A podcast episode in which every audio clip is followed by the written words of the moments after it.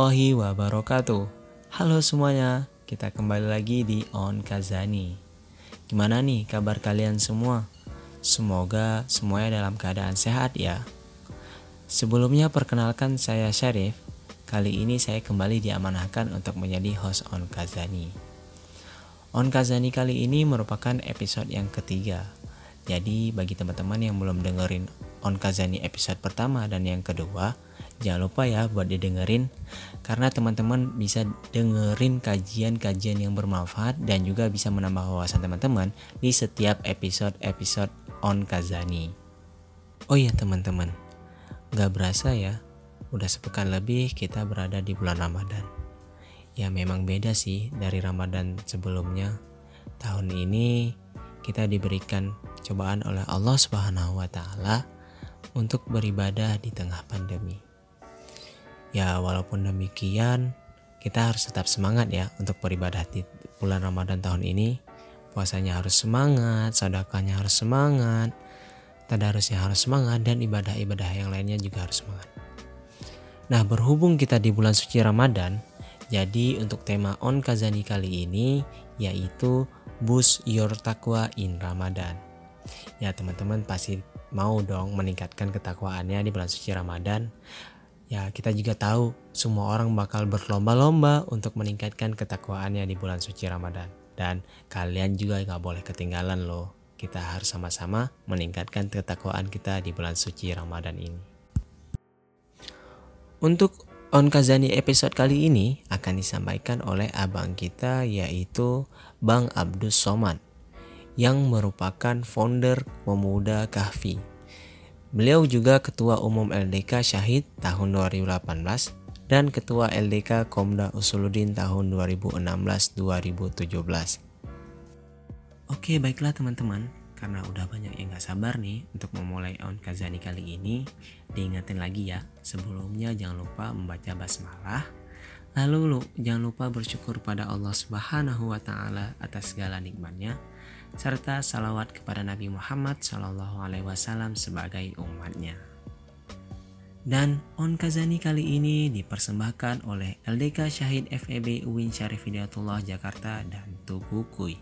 Belanja pulsa, paket data, token listrik, top up GoPay, OVO dan Imani Tuku Kui aja. Tuku Kui, solusi kaum rebahan.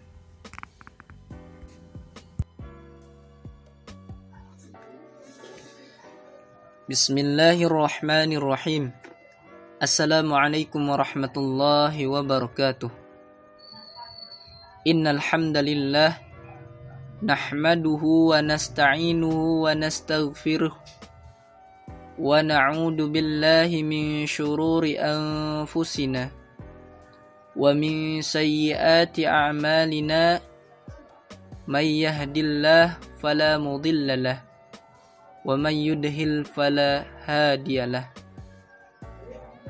أشهد أن لا إله إلا الله وأشهد أن محمدا عبده ورسوله. لا نبي بعده.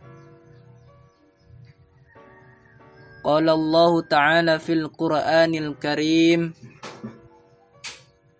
أعوذ بالله من الشيطان الرجيم. يا أيها الذين آمنوا كتب عليكم الصيام كما كتب على الذين من قبلكم لعلكم تتقون. قال النبي صلى الله عليه وسلم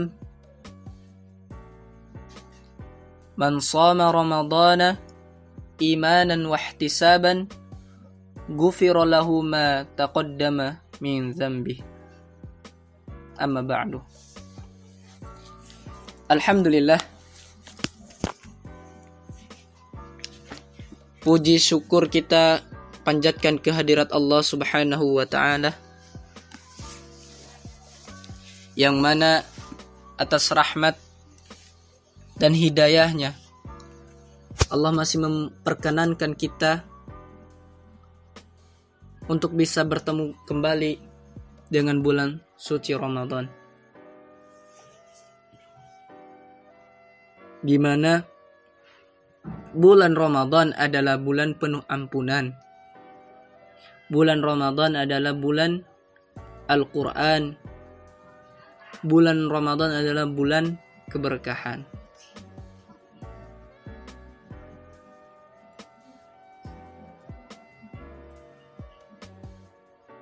Lantas apa yang harus kita lakukan pada bulan suci Ramadan?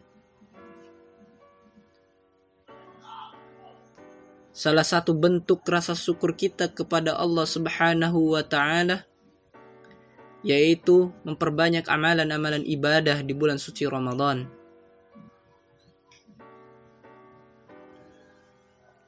Banyak amalan yang bisa kita lakukan pada bulan suci Ramadan. Salah satu contohnya adalah kita melaksanakan sholat malam. kita melaksanakan tarawih berjamaah.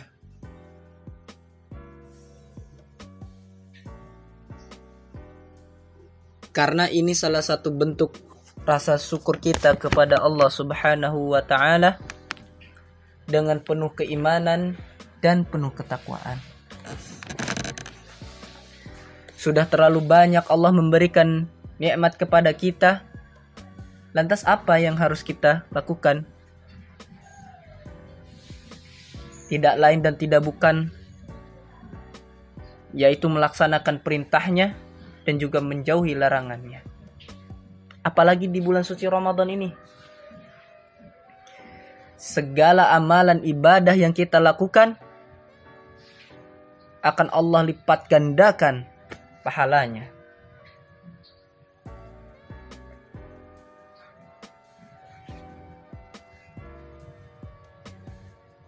Dalam satu dalam salah satu keterangan Allah menyebutkan bahasanya A'udzubillahi wa in ta'uddu ni'matallahi la tuhsuha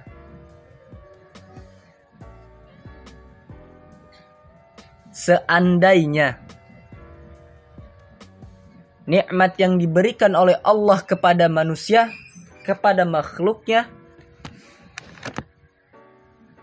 niscaya tidak akan mampu untuk menghitungnya.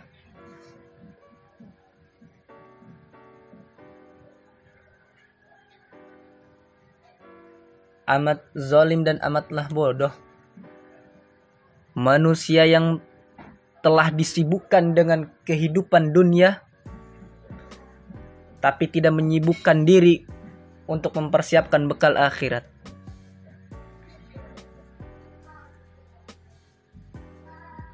Lantas apa lagi yang harus kita lakukan? Jika tidak lain dan tidak bukan untuk menumbuhkan nilai-nilai ketakwaan kita kepada Allah Subhanahu wa taala. Ini salah satu momentum momen terbesar untuk kita mendekatkan diri kepada Allah Subhanahu wa taala di bulan suci Ramadan ini. Mungkin dari kita semua mempunyai targetan. Di bulan suci Ramadan ini, saya akan menghatamkan Al-Quran tiga kali. Ada pula orang yang mentargetkan saya akan hatam Al-Quran lima kali. Begitu mulianya orang-orang yang sudah mendapatkan kenikmatan ketaatan, kepada Allah Subhanahu wa taala dan juga dia bersemangat untuk melaksanakannya.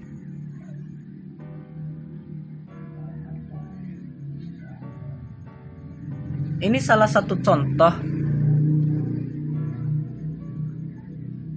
bagaimana orang untuk meraih kesuksesan baik di dunia ataupun di akhirat.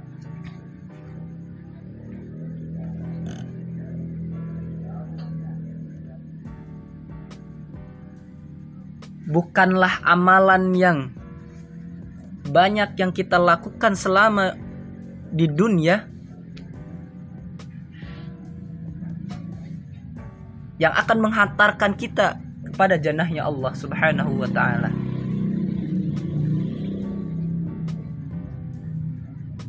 Melainkan adalah keridoan Allah Subhanahu wa taala yang akan menghantarkan kita kepada jannahnya Allah Subhanahu wa taala. Sebagaimana Syekh Al-Utsaimin mengatakan,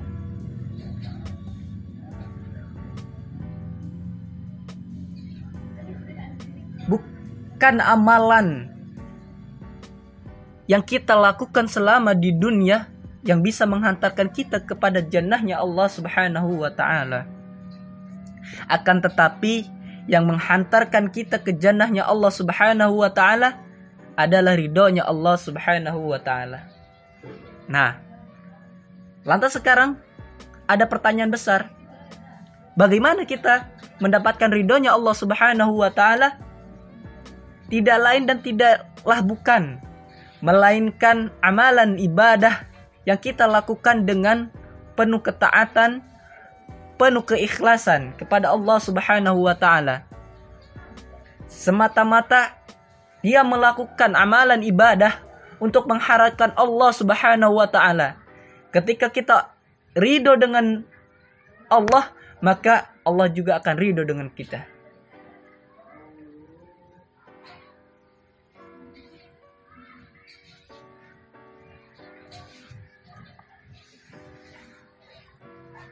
Sekarang kebanyakan dari kita hanya mengeluh, mengeluh dan mengeluh. Tidak mempunyai etika kepada Allah. Tidak mempunyai adab kepada Allah. Ada orang yang Allah uji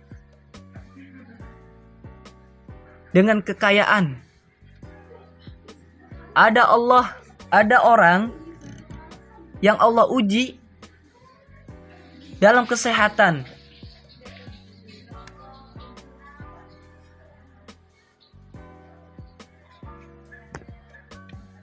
Sekarang kebanyakan dari kita pekerjaannya adalah mengeluh. Mengeluh dan mengeluh. Tidak ada rasa berprasangka baik kepada Allah Subhanahu wa taala. Apalagi di momen era pandemi ini. Seharusnya yang kita lakukan ketika Allah turunkan musibah ini, kita harus banyak-banyak bersyukur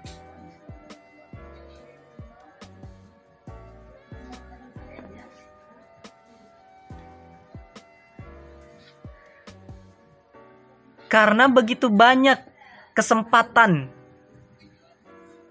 meraih kebahagiaan ketika di era wabah pandemi ini. Kenapa demikian? Coba kita flashback di tahun-tahun sebelumnya, bagaimana kita berpuasa di bulan suci Ramadan yang tidak ada wabah. Banyak orang yang ingin bertemu, yang ingin berjumpa dengan sanak keluarganya,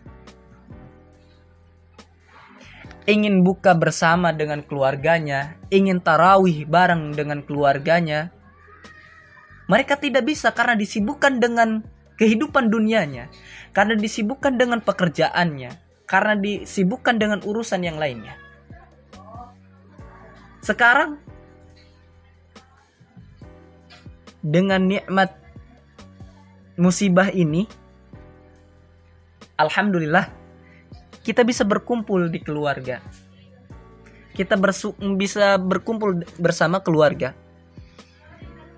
Bisa sahur bersama.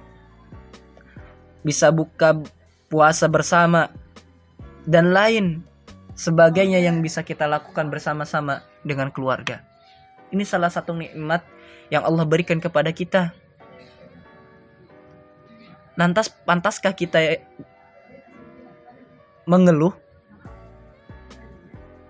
Seharusnya kita menyadari ketika Allah berikan musibah ini bukan justru kita menjauh dari Allah tetapi seharusnya kita lebih mendekatkan diri kepada Allah Subhanahu wa taala meskipun dari sebagian daerah mengharuskan beribadah di rumah saja.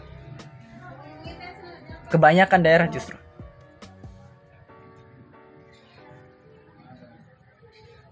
Tapi hal ini patut kita syukuri juga. Karena seharusnya ketika kita berkumpul dengan keluarga, ketika kita bisa makan bersama dengan keluarga, bisa saling bercanda, bisa saling bertukar pikiran dengan keluarga, diskusi dengan keluarga, bermain dengan keluarga. Ini yang harusnya menghantarkan kita kepada ketaatan Allah Subhanahu wa taala. Apalagi di momen bulan suci Ramadan ini. Endingnya ketika bulan suci Ramadan ini yaitu kita untuk mencapai nilai-nilai predikat ketakwaan. La'allakum tattaqun.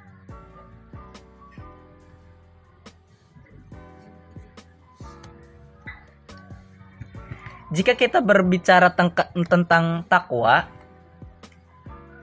anak SD pun sudah tahu apa sih itu takwa.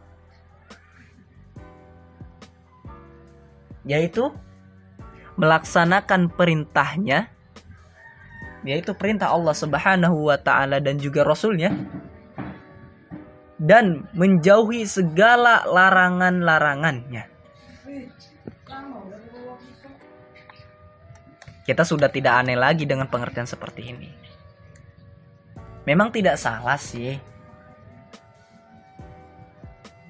Tapi kurang ada yang harus kita perjelas kembali bahwasannya takwa itu berarti al khauf kata Ali bin Abi Thalib takwa juga bermakna al-israr ala al-ma'siyah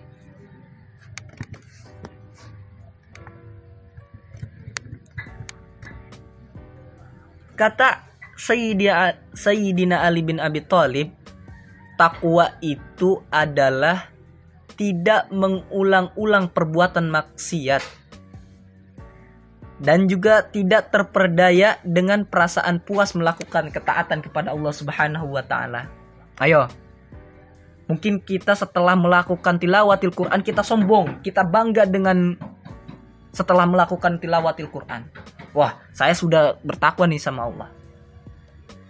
Padahal saya teringat perkataan dari Syekh Ibnu Athaillah pernah mengatakan seperti ini. Salah satu tanda ya tidak diterimanya amalan seseorang, yaitu dia masih menggantungkan amalan tersebut. Apa maksudnya? Yaitu kita ketika melakukan suatu amalan, kita merasa bangga. Kita telah melakukan amalan ketaatan kepada Allah Subhanahu wa taala. Padahal ketika kita melakukan ketaatan, kita juga harus dibarengi dengan keikhlasan tanpa lagi memperdulikan saya sudah membaca Al-Quran, saya sudah tilawatil Quran, saya sudah tahajud dan lain sebagainya. Tidak usah. Sudah yang penting kita taat kepada Allah Subhanahu wa taala dibarengi dengan keikh keikhlasan. Insya Allah amalannya akan di, diterima di sisi Allah Subhanahu wa taala. Takwa juga berarti al-khauf minal jalil takwa juga yaitu rasa takut kepada Allah.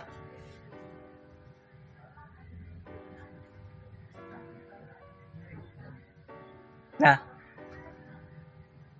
setelah kita mengetahui pengertian dari takwa,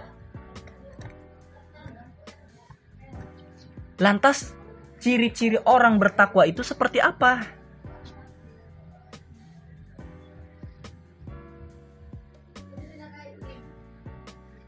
Dan juga balasan untuk orang yang bertakwa itu apa?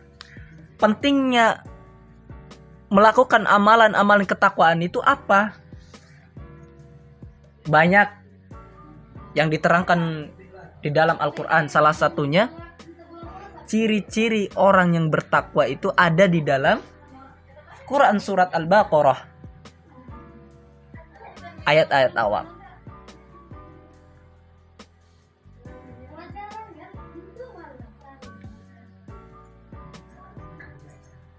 Mari kita simak. Kita lihat mushaf kita. Kita coba baca surah Al-Baqarah dari ayat yang pertama. Kita akan mengetahui sifat-sifat orang yang bertakwa.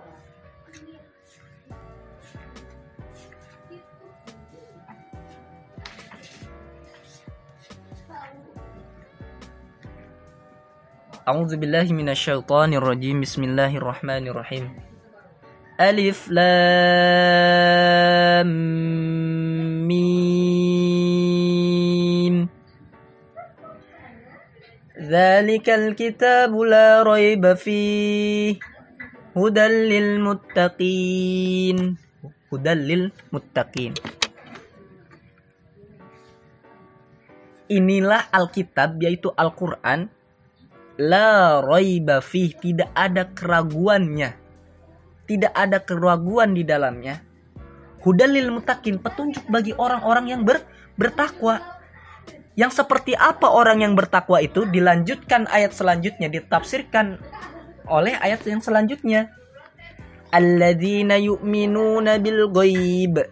Yang pertama adalah ciri-ciri orang yang bertakwa. Yang pertama adalah beriman kepada yang gaib yaitu hari hari kiamat. Surga neraka dan lain sebagainya. Yang kedua wayukimuna sholah mengerjakan so sholat.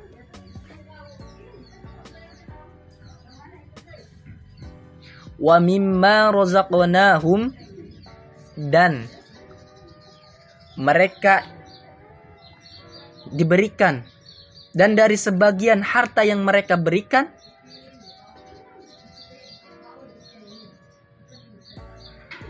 dan dari sebagian harta yang mereka berikan oleh Allah Subhanahu wa taala mereka infakkan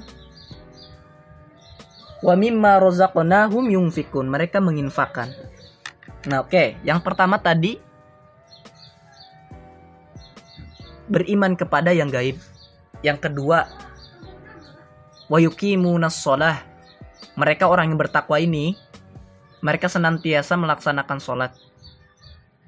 Wa mimma rozaqnahum yungfikun. Mereka berinfak.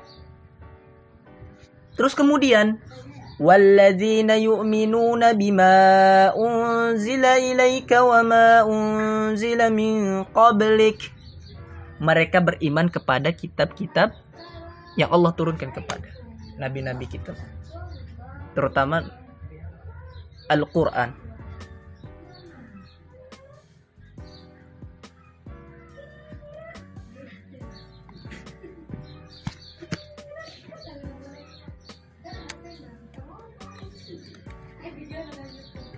Kita jangan merasa bangga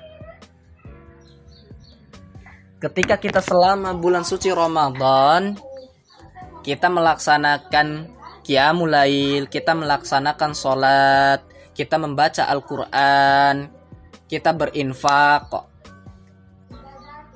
Akan tetapi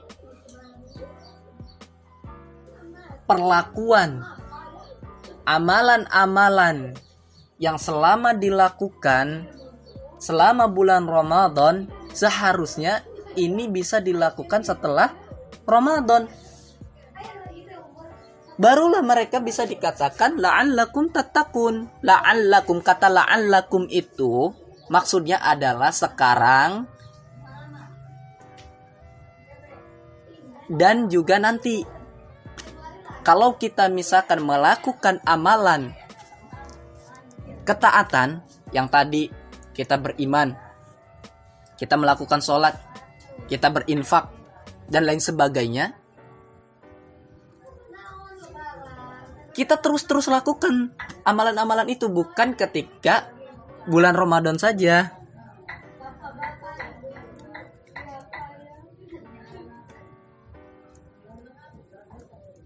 Barulah kita bisa dinamakan orang yang bertakwa.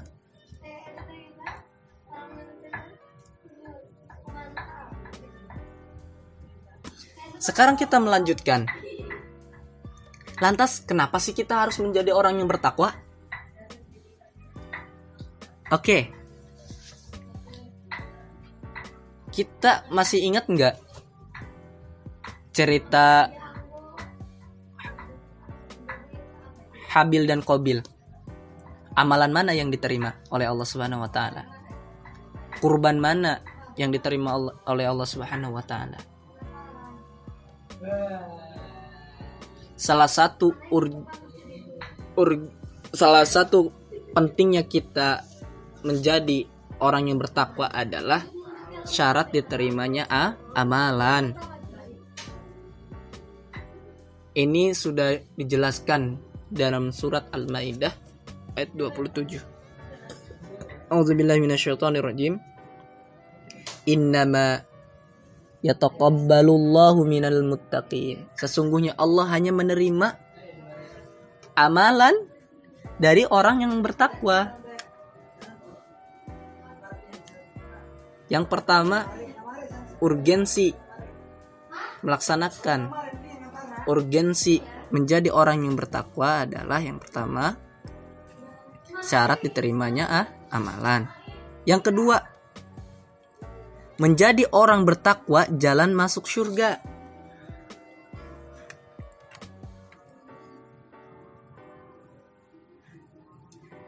Ini diterangkan dalam surat Al-Imran ayat 133. Yang intinya adalah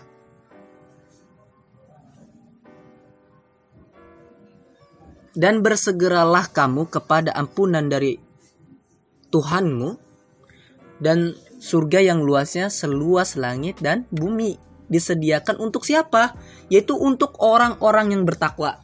Nah, orang yang bertakwa itu seperti apa? Dilanjutkan oleh ayat selanjutnya, yaitu orang-orang yang menafkahkan hartanya. Tadi sudah disinggung di Al-Baqarah juga ada. Baik di waktu lapang maupun di waktu yang sempit dan orang-orang yang menahan amarahnya nih salah satu sifat kriteria orang yang bertakwa itu dia tidak dia tidak mudah marah. Dan juga memaafkan kesalahan orang lain. Selain dia tidak emosian selain dia tidak mudah marah dia juga pemaaf Dan Allah menyukai orang-orang ya muhsinin, orang-orang yang berbuat kebajikan. Baik. Yang selanjutnya, kenapa sih kita harus menjadi orang yang bertakwa? Ternyata bekal yang paling baik adalah adalah bekal tak takwa. Ini disinggung dalam surat Al-Baqarah ayat 197. Berbekalah dan sesungguhnya sebaik-baik bekal adalah takwa dan bertakwalah kepadaku hai orang-orang yang ber beralkal.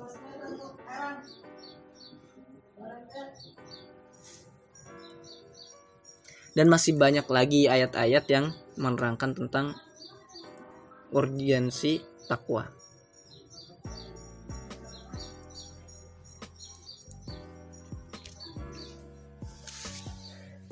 Setelah kita mengetahui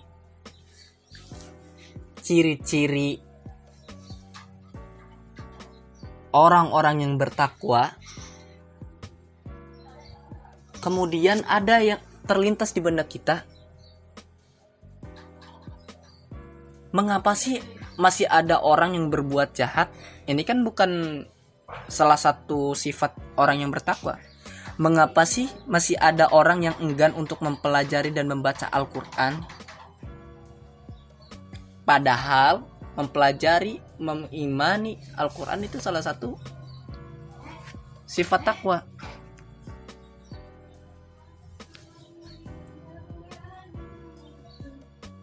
Mengapa sih orang masih disibukkan mencari bekal selain bekal takwa?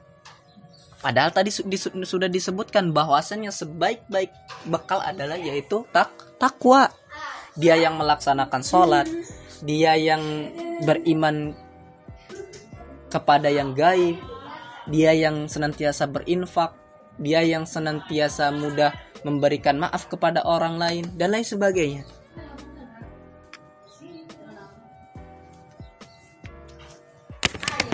Bisa jadi ketika bulan Ramadan kita taat kepada Allah. Tidak menutup kemungkinan setelah bulan Ramadan juga kita bisa melakukan kemaksiatan. Karena prinsip dari keimanan adalah yazidu wa yang kus, tapi jelas.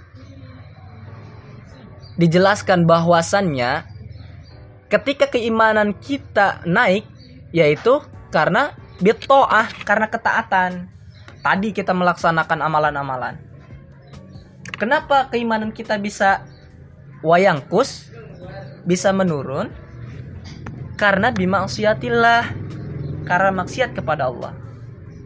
Banyak amalan-amalan yang maksiat kepada Allah Subhanahu wa taala untuk itu untuk istiqomah kita tetap melaksanakan amalan-amalan takwa kita harus mempunyai al-mujahadah. Harus mempunyai keteguhan hati yang kuat harus mempunyai etikat yang kuat harus bersungguh-sungguh. Kita melaksanakan sholat tarawih kita harus benar-benar nih sungguh-sungguh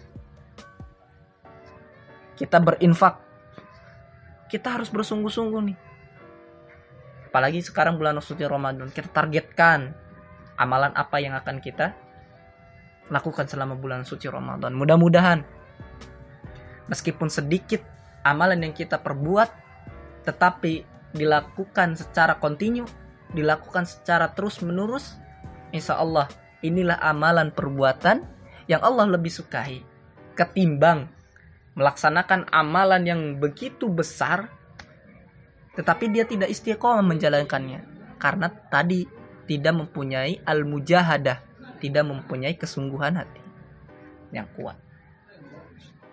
Kemudian kita juga harus mempunyai al-mahabbah.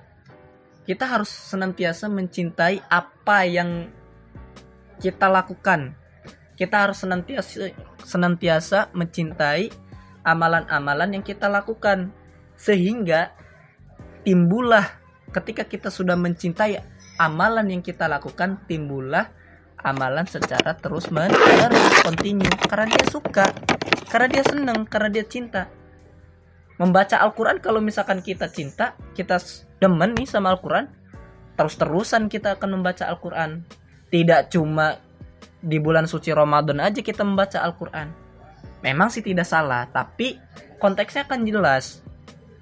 Yang dimaksud dengan la'allakum tatakun itu sebagian orang yang bertakwa itu yaitu mereka melakukan amalan takwa itu secara terus menerus continue tidak tok dia melakukan amalan ketakwaan itu ketika bulan suci Ramadan aja Oke, itu yang harus kita lakukan. Al mujahadah harus punya sungguh-sungguh.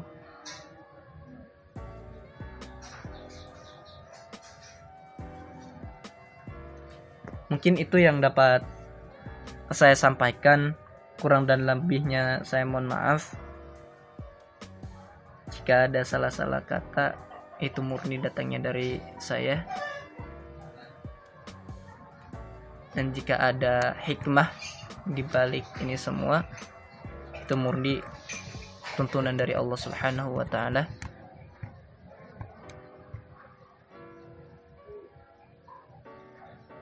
Kita saya akhiri dengan lafaz hamdalah alhamdulillah rabbil alamin. sekali lagi saya kurang saya ucapkan mohon maaf beribu-ribu maaf Assalamualaikum warahmatullahi wabarakatuh Alhamdulillah teman-teman Akhirnya selesai juga ya episode On Kazani kali ini Semoga apa yang disampaikan oleh Bang Abdul Somad tadi dapat bermanfaat bagi kita dan semoga kita semuanya dapat meningkatkan ketakwaan kita kepada Allah Subhanahu wa taala. Amin ya rabbal alamin. Oke, baiklah teman-teman, cukup sekian On Kazani episode kali ini. Jangan lupa jaga kesehatan ya, tetap di rumah dan tetap semangat menjalankan ibadah puasanya. Sampai berjumpa di episode On Kazani selanjutnya. Wassalamualaikum warahmatullahi wabarakatuh.